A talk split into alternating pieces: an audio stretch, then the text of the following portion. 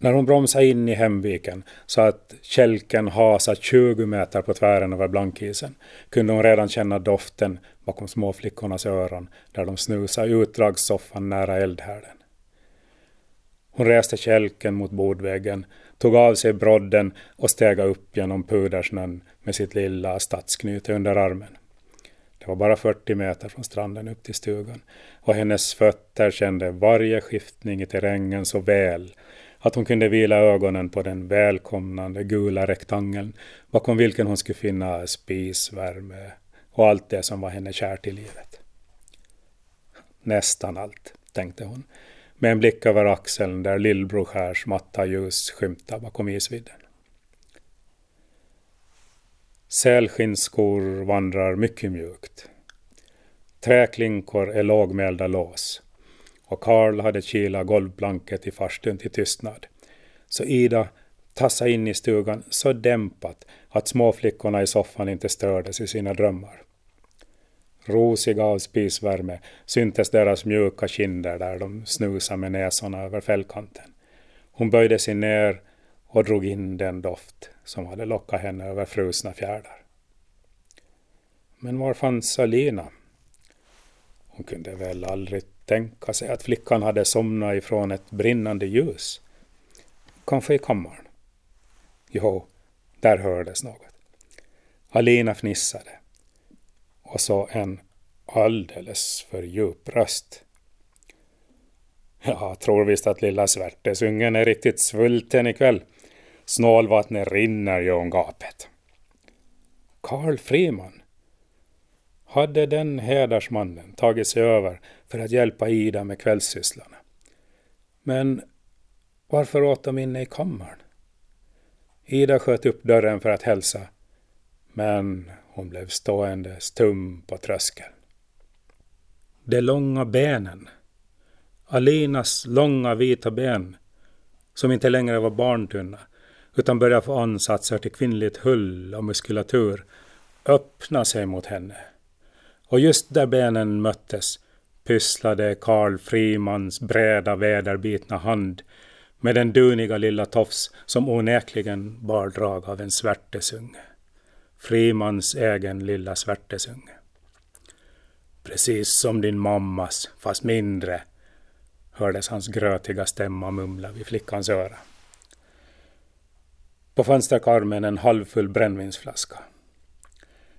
Alina som blundade mot taket, tveksamt leende. Hennes hand som såg så liten ut på Frimans kraftiga höft som rördes försiktigt och rytmiskt. Mannens rygg var bred som Rensberget och flickan mjäll och slank som strömmingen på samma berg, upplagd för att gälas och rensas och travas i fjärdingar bland övriga. Vid dörrkarmen stod en eldgaffel lutad på sin vanliga plats och Idas hand fann den utan att hon behövde titta. Den satt i näven som den dagligen brukade och hon svingade den snabbt och hårt och träffade Rensberget över dess skuldra.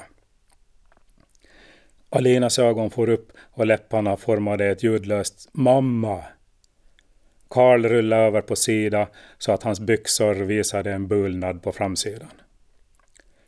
Alina drog ner klänningen och Ida svingade eldgaffeln på nytt, den här gången med ett raseri som hunnit mogna och generera en vildsint rundpall ända ifrån golvet, så att Frimans näve hann komma upp och koppla sitt grepp om hennes arm.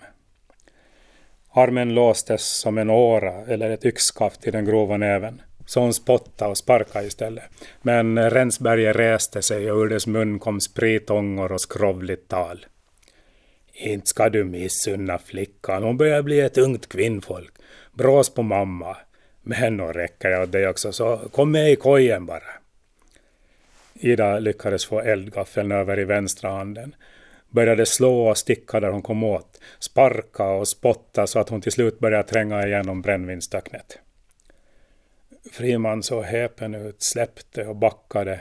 Men eh, lilla hjärtat, inte menar jag något illa, Alina behöver lära sig.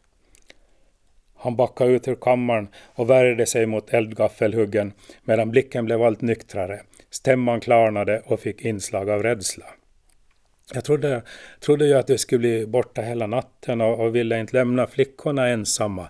Jag bara skojar lite med Alina för att hålla henne glad. Situationen började bli svårhanterlig och genant.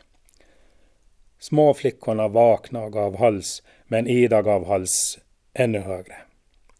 Du är ett as och en ludergobbe, Karl Friman. Du ränner efter pitten vart den än pekar och har inte ens vett att väja för flickan som har hållit dig nästan som en far.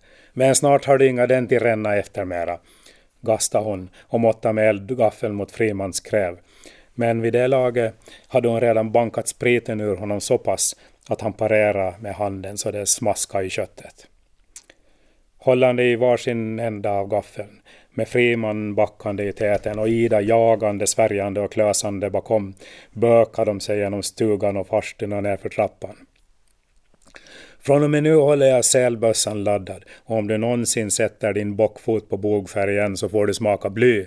Jag kan skjuta och skulle jag bara ha laddat nu så skulle du inga hinna ner till isen innan du får ett lod genom din brunstiga kropp.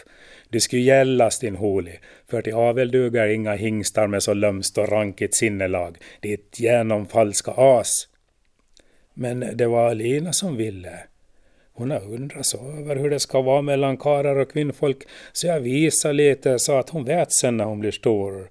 Stackarn har ju fått växa upp utan far. Det var hon som ville, hon nekade inga.